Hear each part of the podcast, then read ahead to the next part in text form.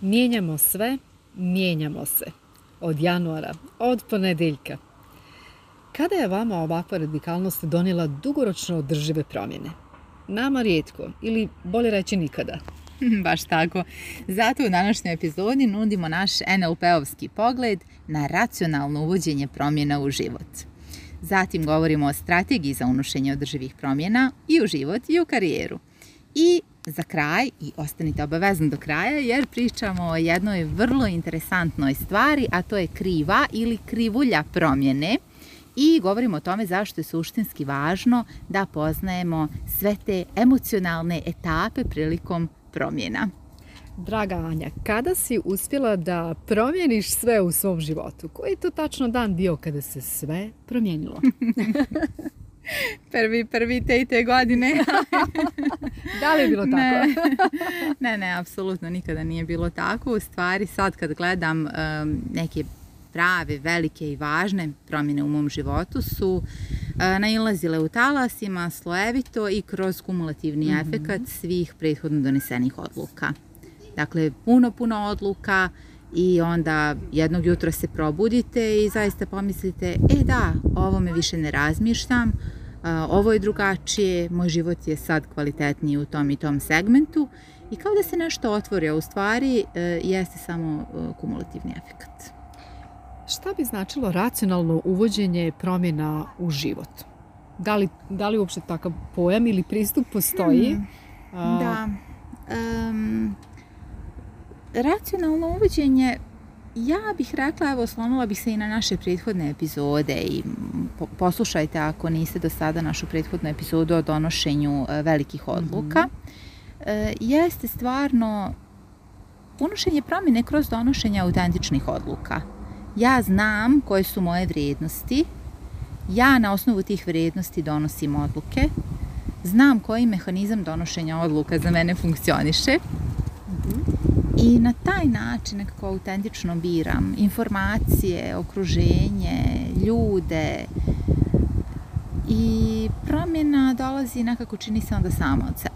Ovdje primjećujem dosta slojevitosti. Da, da, da, evo i ja dok, dok pričam o tome, s obzirom da mi ove epizode ne, pripremamo, ovo je nama jako važna tema, stvarno razmišljam i želim da budem najobjektivnija moguća e, u, tome. Uvijek je slojevitost u pitanju. Mhm. Čak i kada radim sa klijentima, kad se čini da, dobro, može to da bude neka odluka sad donesemo nešto krupno, veliko, radikalno i sve se promijeni. Čini se da se sve promijeni, sve krene od te odluke. Međutim, da bi bi osoba bila sposobna, imala kapacitet da isprocesuira onda tu ogromnu, ogromnu promjenu koja se desi koja nastupi i da bi to za nju, ta nova realnost bila održiva, ona je morala da se priprema, mhm. morala je da se širi, morala je da priprema svoje e, kognitivne kapacitete, svoje emocionalne kapacitete mjesecima unazad i godinama unazad.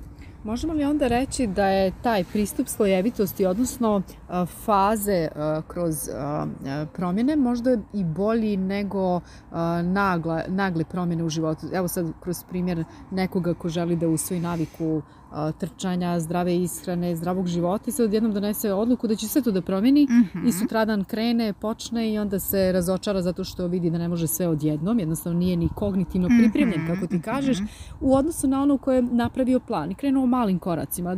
Ove sednice mijenjam naviku tako što neću šećeriti kafu, piću samo čaj ujutru i prošetaću, evo, samo kilometar ili dva kroz svoje naselje.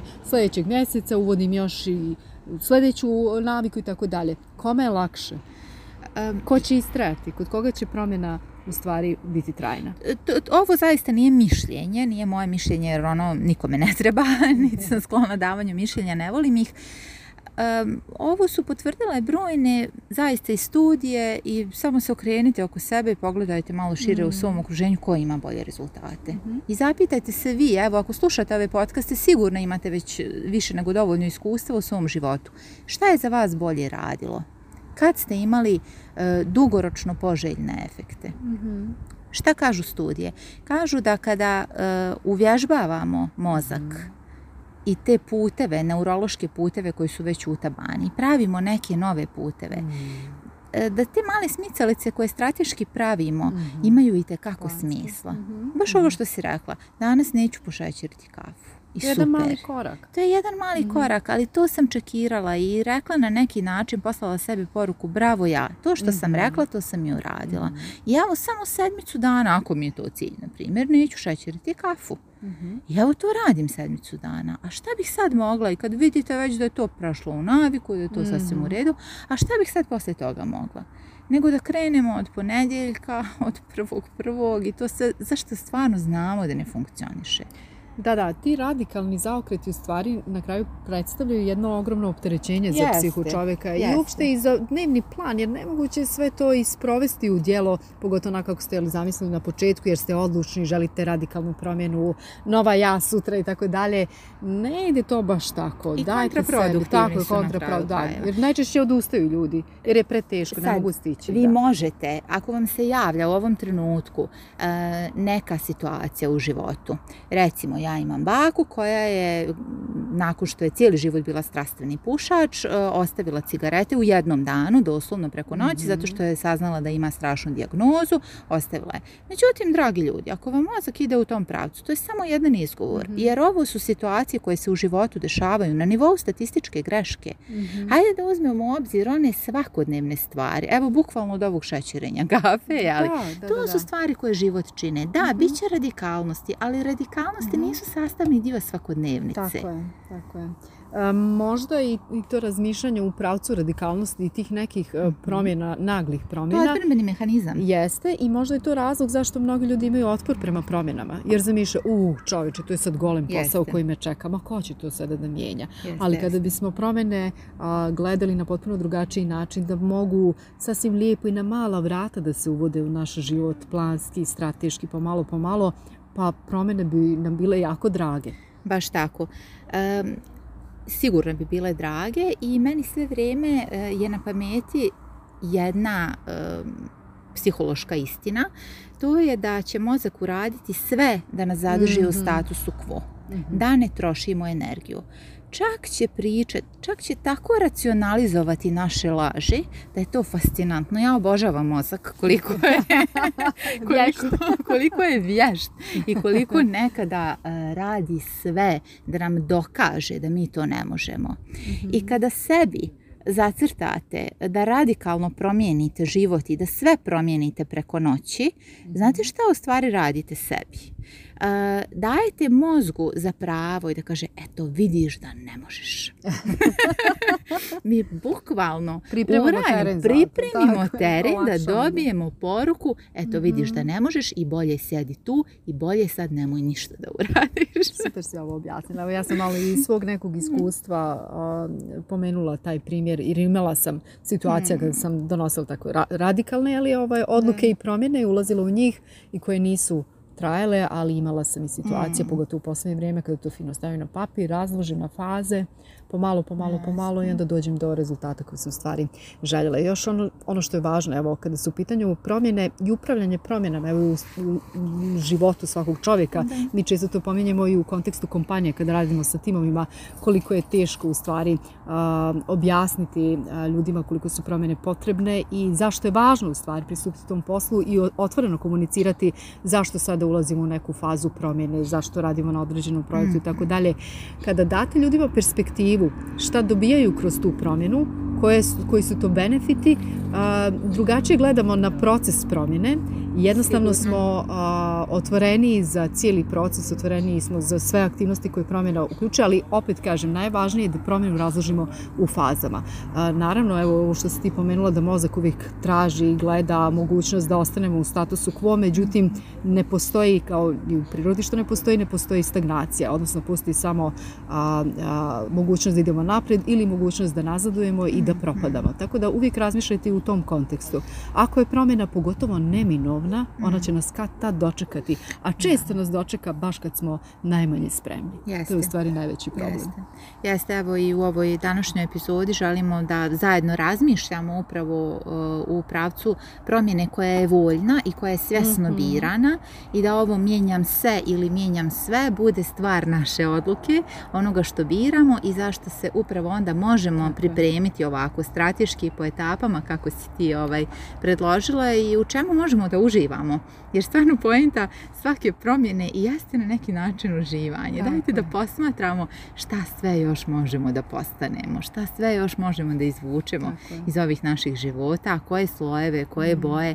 Ne da to ostane samo na nivou maštanja. Dajte da vidimo, da sebi na prirodan način izgradimo to samopouzdanje. Ajde da više budemo tipičnosti e, tip ličnosti prema nego od, da, ovaj, ne ulazimo u promjene zato što nas je neko satira pa u, zid pa moramo što. nešto da mijenjamo nego zato što želimo, želimo bolji život za sebe mm. i evo i samo ovaj lični rad i lični razvoj, stvari E, predstavlja neku vrstu preventivnih promjena, da sebe pripremimo za novi svijet, modern svijet, za promjene na globalnom nivou na kraju krajeva, a da ne govorimo o promjenama u poslovnom svijetu, poslovnom okruženju koje se mijenja svakog dana velikom brzinom. Mi ako nismo pripremljeni, ako se nismo mijenjali e, u fazama, u određenim procesima, ako nismo sebe jačali, e, teško ćemo se uklopiti u društvo koje je poprilično, poprilično moderno uznapredovalo. Evo sad kad pogledamo kako funkcionira funkcionišu IT kompanije, čak i u Bosni i Hercegovini, da ne govorimo o svijetu. Mhm.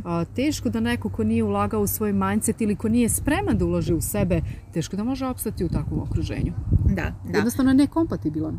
Baš tako. I ovo što kažeš kad već znamo da je, promjena neminovna, hajde da se pripremimo za, promjenu i da u toj promjeni stvarno uživamo. A jedan od načina jeste upravo da e, ukoliko primijetimo strah koji je isto super što je tu, super koristan i će se. E, nekome baš će biti u tijelu, strah u tijelu, nešto što osjeća kao neku vrstu anksioznosti kada dođe do promjene. Nekome će biti na intelektualnom nivou, puno pitanja se mhm. postavlja, puno nesigurnosti, jednostavno ne želi, neko osjeti intuitivno, neće tijelo naprijed da se kreće i tako dalje. E, šta god bilo po sredi, i ako se u nečemu od ovoga e, prepoznajte, to je sasvim u redu. To je vrlo legitiman odbrmeni mehanizam, nešto poručuje. Važno je samo da ga prepoznamo i ono što može jako da posluži, što ću malo sada vam predložimo i predučimo, jeste postojanje e, promjene, postojanje etapa prilikom mm-hmm. svake mm-hmm. promjene, mm-hmm. koje su ljudske, koje su svima svojstvene, neke od njih ćete uočiti, a neke nećete, ali te etape postoje uvijek. Tako kažu psiholozi i istraživači. Tako, jako mhm. je važno, evo, sad u ovom slučaju kroz našu epizodu da vam predstavimo taj koncept, da toga budete svjesni. Jer dogod ste svjesni da postoji ta kriva promjene, bit će vam lakše da prođete kroz nju, odnosno lakše ćete detektovati olakšat ćete sebi u psihološkom smislu, nećete odustati jer znate o čemu se radi. Baš tako, baš tako. I znaćete u svakom trenutku da je baš sve u redu sa vama. I da, vi birate da, da kroz tu promjenu prolazite ili ne prolazite. I onda ćete mm. lakše i donositi odluke. Jer pazite, kad znate za postojanje krive promjene, onda ćete isto tako nekada reći, e, ja sad biram da u ovoj fazi života ja ne želim ovu promjenu. mm Ne sad da vas neko, to je apsolutno legitimno. Jer e, svaki put proći kroz krivu promjene, i sve emocije koje ona sa sobom nosi, mm, nije ni neophodno i nije pametno nekada. Zašto bismo stalno nešto mijenjali? Super, i da nam nekad bude ugodno. A kad, kad nam je ovo poznato, onda možemo i da uživamo mm nekada, jer ono kao možemo da dođemo u jednoj fazi da kažemo, a evo je apatija, pa dobro, ok super. sad sam apatična dva dana i sad želim, samo želim da se vratim nazad i ne želim uopšte ovo da radim i to je skroz normalno. Nego, evo da krenemo ako si saglasna ovaj, otprilike sa tom, sa tom krivom ili krivuljom na početku bilo kakve promjene uvijek postoji ili vaša odluka za akciju, znači ili ste nešto odlučili da mijenjate ili e, ste dovedeni u, neku, u neko stanje šoka. Možda je e, promjena nastupila uprkos vašoj želji jednostavno sad morate da se mijenjate. Mi ćemo ovdje govoriti o perspektivi kada mi biramo da se mijenjamo, mhm. jer sad mi govorimo o ličnom rastu, ali mhm. pretpostavka je da smo nešto izabrali. Ali čisto da znate na početku da ovo sve isto važi i kada ste šokirani nekom mhm. promjenom, kad morate da se mijenjate htjeli ne htjeli. Znači, vi ste u idealnim uslovima donijeli odluku da nešto mijenjate. E, I kad ste donijeli tu odluku, vi ste na početku euforični imate kad ste već donijeli tu odluku, sad ide neka akcija, ide neko djelovanje, spremate se da radite ka nekom određenom cilju. I jeste, i wow, super, neko je baš euforičan, neko osjeti baš adrenalin u tijelu. Različite će biti reakcije, ali kod svakog postoji, dakle, ta neka poželjna emocija na početku. Ali, jeste, kačete storije, tako je, krećem, evo, topim se za dva mjeseca, što god to bilo za vas, ili ne ne znam, završavam, dobijam taj certifikat za mjesec dana, akviziram 50 novih klijenata za dva mjeseca u našu i tome slično. Što god to bilo jeste, kako bi mladi popularno rekli, opali vas adrenalin. dakle, ima nekog endorfina, adrenalina, sva što se tu dešava fino u našoj biohemiji. I tako mi tu boravimo neko vrijeme, vjerovatno nešto i radimo i preduzimamo, možda i ne preduzimamo, nego nas samo drži ta emocija. Poslije toga polako već idu faze, tu je znači bila radost, motivisanost, sve drugo poželjno. Zatim motivacija prirodno opada, prirodno opada jer mhm. jednostavno tijelo bi počelo, to je bio hemijski prirodno, tijelo bi počelo mhm. da sagorijeva po tako velikom količinom mhm. adrenalina. Znači sve je u redu, a vi sad nakon dva, tri dana ili nekoliko dana osjećate da kao da nešto nije u redu. Možda čak osjetite i ljutnju na sebe što pa sad meni bi da ja u ovo, ide neko preispitivanje, možda tuga, možda krivica. Dakle, sve te emocije koje mi nisu baš tako drage. Što je meni ovo trebalo? Što je meni ovo trebalo? Tijelo isto tako šalje sad neke zbunjujuće signale. Nemam energije. mm Bezvoljan sam. Apatičan. I onda krećem prirodno, jer nemam tu neku sad više poželjnu biohemiju, počinjem da se cenkam a šta ako ja ipak ovo ne uradim sad? Preskučim što bi bilo? Preskučim trening. Pošećerim ovu kafu danas, jeli? Ili šta god to bilo za vas. Onda možda počinje da se javlja neki strah a ja šta ako stvarno uradim, pa dobro, ja sam možda ovo sad i vizualizovala, ali to stvarno sad tako interesantno. A daj, pa dobro, pa možda i nije. Pa da, neka vrsta cjenkalja na što postoji. I u tom svemu i u tom cjenkalju možda dođem i do nekog dna. Sad u zavisnosti koliko je, znate, odluka velika ili ne, ćete e, prolaziti kroz sve ove faze ovako nekada po nekoliko dana, nekada po nekoliko mjeseci. Znači sve će zavisiti od toga šta je, e, šta je u pitanju. Dođete do dna Dakle, pa joj, ja apatična skroz. Ma ne bih ustala iz kreveta danas, a kamoli, ne znam, išla u teretanu, e, planirala obroke, e, pisala klijentima, šta god, ponavljam, bilo u vašem slučaju. Sljedeća faza, kad se izvučete sa tog dna, no će doći. Jako važno da znamo. To je važno da znamo u bilo čemu. Koliko god euforični bili, no dolazi za svakog od nas. Neki ga zovu patos, znači kada dođete do nekog svog praga, donjeg praga, sjetite se i gornjeg praga. I kažete, mhm. aha, ona euforija nije bila bez razloga. Nije bila bez razloga. U tome postoji nešto što je meni važno. Mhm. Nešto od čega meni srce igra. I ovo cjenkanje i sve ovo što prolazim je potpuno logično. To se dešava svima, svi prolazi. I šta ja, kad to sve znam, biram da danas ipak uradim. I kad mi se najmanje da, i kad baš neću, šta ipak biram? Koja je to? I onda... onda je ovaj rad na sebi presudan u stvari jer vi onda imate kapacitet da vizualizujete taj željeni ishod, da se nahranite, možda malo neprirodno, ali tom motivacijom mhm. koja u tom slučaju treba da bude spoljna. Jer niko od nas nema stalno 24 kroz 24 unutrašnju motivaciju. Ko vam kaže da ima, vjerovatno laže. Ako tako dobro laže sebe, super, znači da nešto dobro pa on nema veze. Ali nije prirodno, naše tijelo to ne trpi. Dakle, izvukli smo se u idealnim okolnostima, imamo svoju željenu viziju, znamo u šta investiramo, izvukli smo se sa dna, najbolje je da se sa dna izvlačimo tako što ćemo pričati sa, svojim, sa ljudima iz svog podržavajućeg mhm. kruga, e, bila to neka škola ličnog rasta, poput recimo naše osnažene, e, bile to neke informacije koje su vama super korisne, ali sa dna se dakle izvlačimo. Pišemo, zapisujemo, vodimo dnevnike i tako dalje. Da bismo nakon dna dolazili do tačke realnosti, ne nužno opet neke euforične e, ne nužno one euforije sa početka, mhm. jer ona nije prirodna, ona je poslužila samo da nas katapultira, da uopšte mhm. uđemo u to ludilo koje se zove promjena. Ta mhm. euforija na početku tome služi.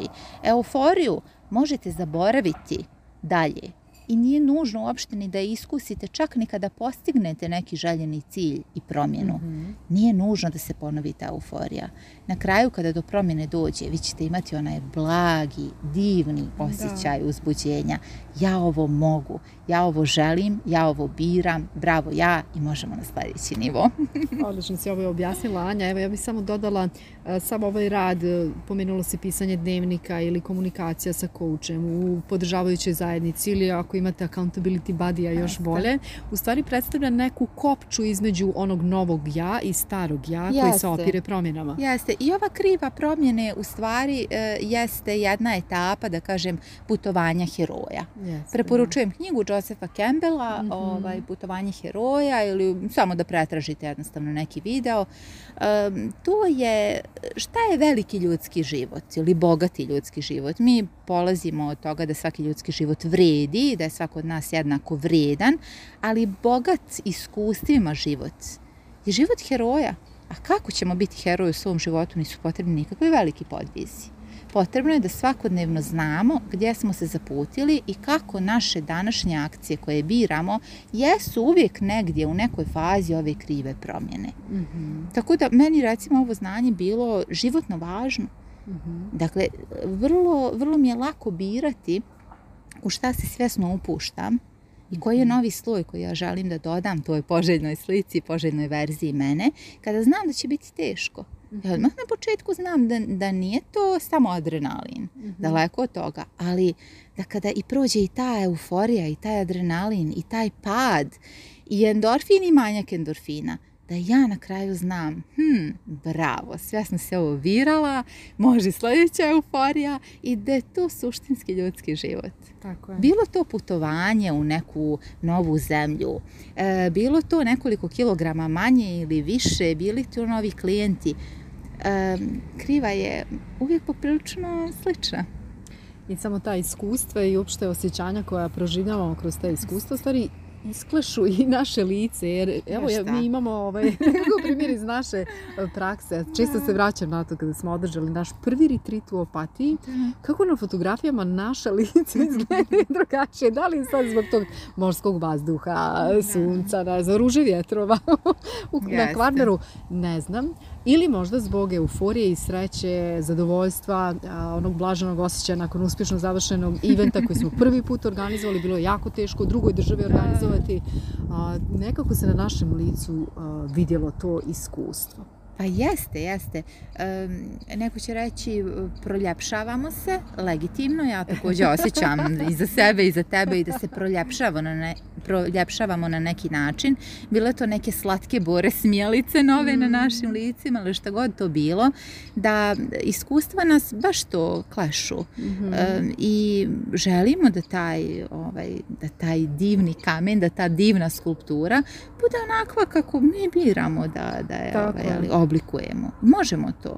Danas više nego ikada program ličnog razvoja. Imate ili NLP koji traje 10 mjeseci i košta blizu 3000 maraka ili imate osnažen u Bosni i Hercegovini jedan program ličnog razvoja koji smo mi kreirale evo, skoro prije dvije godine u kojem su sadržana najvažnija, odnosno najvrijednija znanja iz NLP-a i coachinga i koja košta 777 maraka i mi smo omogućili da prvi modul možda se pohađa za 77 maraka nezavisno od ostatka programa probajte, testirajte, dajte sebi priliku za nova iskustva, za povezivanje u zajednici koja se više i više i brže i brže raste, zajednici žena koje su okrenute ka progresu i novim iskustvima. Tako je. Saznajte na koji način vi birate da se mijenjate. Mhm. Dajte sebi priliku ulaganjem u programe ličnog razvoja, da saznate, da istražite sebe i postavite sebi pitanje kakva iskustva birate za svoj život. Sve što izaberete je potpuno legitimno. Možda, možda ćete se osjećati kao najbogatiji na svijetu time što ćete upravo mhm. birati da gledate u nebo. Međutim, dajte sebi priliku da istražite da li mhm. stvarno, stvarno to birate i da li je to vaša odluka mhm. ili će se vaš život napuniti i obogatiti iskustvima na neki možda drugi način. I evo za kraj pitanje za naše slušalce i da razmišljaju o, tom, o odgovoru na to pitanje šta to konkretno mogu da mijenjam u narednom periodu i koja je to jedna stvar. Odlično. I ja ću da nastavim evo da promišljam o ovom pitanju jer nikada ovakvih pitanja e, nije dosta. E, šta biram da mijenjam kad se već sve mijenja, mm -hmm. šta ja to biram? E, I ostanite sa ovim pitanjem, boravite sa ovim pitanjem, e, odlučite se za, edukacije, za programe koji će da vam pomognu da donosite, da imate svoje odgovore na ovakva pitanja. Hvala Anja, srećno. Hvala i srećno.